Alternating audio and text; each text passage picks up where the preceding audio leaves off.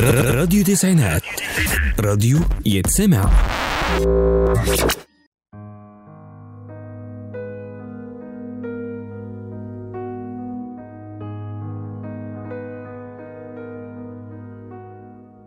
يا مساء الأنوار على كل اللي سامعينا على راديو تسعينات FM أنا منى سلامة من برنامج علاقات حب. أحيانا في فترة من الفترات ممكن تقوقع نفسك جوا فكرة واحدة هي إنك تقدر تستغنى عن أي كائن حي في حياتك.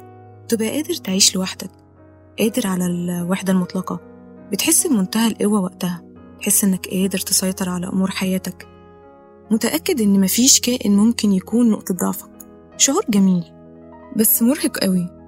بعد فترة هتبتدي تخلي بعض الناس تدخل حياتك لأنك واثق من نفسك وواثق إنك هتقدر تتخلص منهم في أي لحظة لو أذوك. هتحس بمنتهى الثقة في النفس. واحدة واحدة هتلاقي الناس دي اتشعبت لعلاقات كتير جواك. هتلاقي علاقة صداقة إيد بتسندك وتخاف عليك. علاقة تفاهم حد دماغه موازية لدماغك لا أعلى ولا أقل.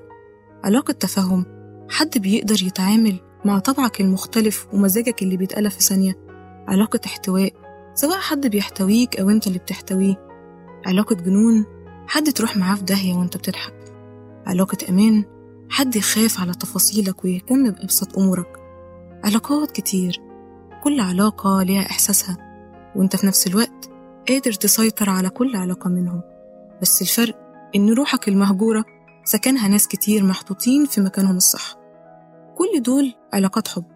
فمش لازم تضيع من عمرك القليل سنين وأنت بتدور على نوع واحد من المشاعر. يمكن أصلا ما تحسش بيه أبدا. قلنا إن الحب ثقافة ولازم نفهمها الأول قبل خوض أي تجربة. لكن برضه لازم نفهم إن الحب نفسه مش بميزان أو بقوانين ثابتة.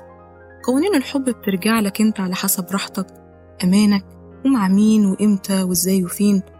اللي لازم نوصله إن علاقات الحب مش شرط تكون محصورة في حبيب أو صديق أو غيره علاقات الحب مختلفة في إحساسها ومشاعرها. يعني ممكن تحس بالحب في مجالك نفسه أو تحسه في عمل خير بتعمله بدون مقابل. وعلشان كده علاقات الحب مش محدودة ولا نقدر نحددها مع مين بالظبط. كانت معاكم من سلامة من علاقات حب على راديو تسعينات إف إم.